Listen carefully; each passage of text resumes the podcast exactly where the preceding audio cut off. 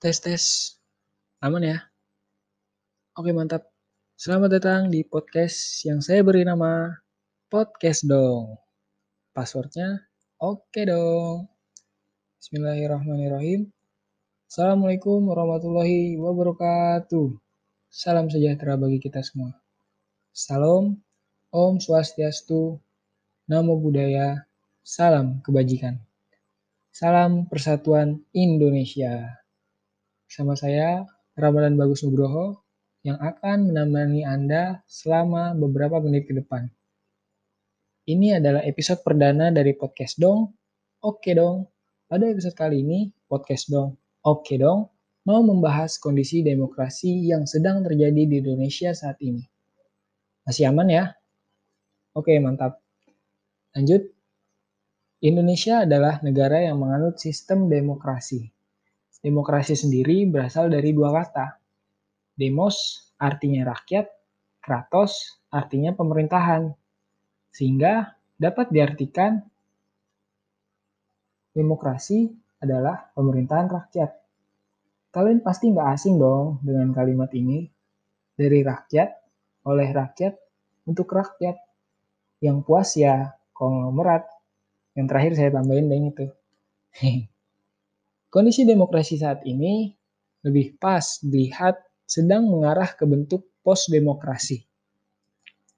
Post-demokrasi dipopulerkan oleh Colin Crouch, seorang sosiolog dari Inggris yang juga pengamat demokrasi.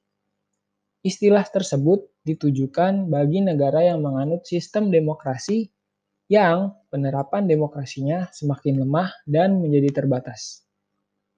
Dalam kondisi post-demokrasi saat ini terdapat beberapa kecenderungan. Kecenderungan yang pertama adalah keterlibatan masyarakat dalam dunia politik ditentukan oleh elit, khususnya elitnya elit. Nah, keputusan dari pimpinan pusat amat sangat menentukan dan mewarnai kehidupan kader partai di mana pun mereka berada.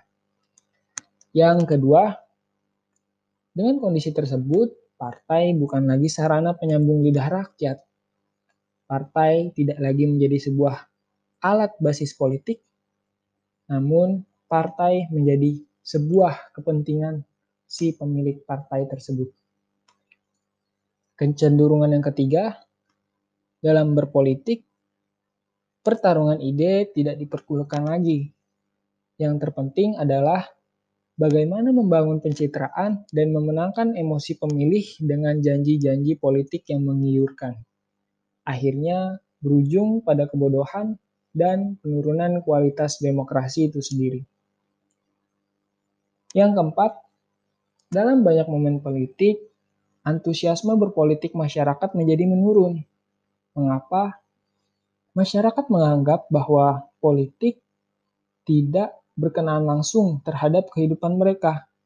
Dan dalam dunia politik itu sendiri, banyak sekali tipu daya. Jadi mereka terkesan malas seperti itu untuk mengurus dunia perpolitikan. Yang kelima, sebagai dampak dari itu semua adalah hilangnya penghormatan terhadap institusi, proses, dan nilai-nilai demokrasi. Inilah yang menyebabkan pengelolaan partai menjadi jauh dari hakikat demokrasi. Begitu pula lembaga-lembaga negara yang telah menjadi pelayan oligarki yang akhirnya berdampak pada rendahnya penghormatan masyarakat kepada mereka. Hilangnya respek juga tercemin dari terus terjadinya manipulasi, kecurangan, pelanggaran dalam pelaksanaan pemilu. Sementara itu, redupnya norma-norma demokrasi juga menyebabkan mudahnya demokrasi itu memicu konflik antara orang-orang politik ataupun terjebak kepentingan sesaat para elit. Beberapa kecenderungan inti demokrasi di atas pada umumnya terjadi di Indonesia. Inilah yang menyebabkan secara substansi demokrasi kita menjadi elitis dan dikangkangi oleh kekuatan oligarki yang sulit ditandingi. Ini terjadi baik pada level nasional maupun lokal.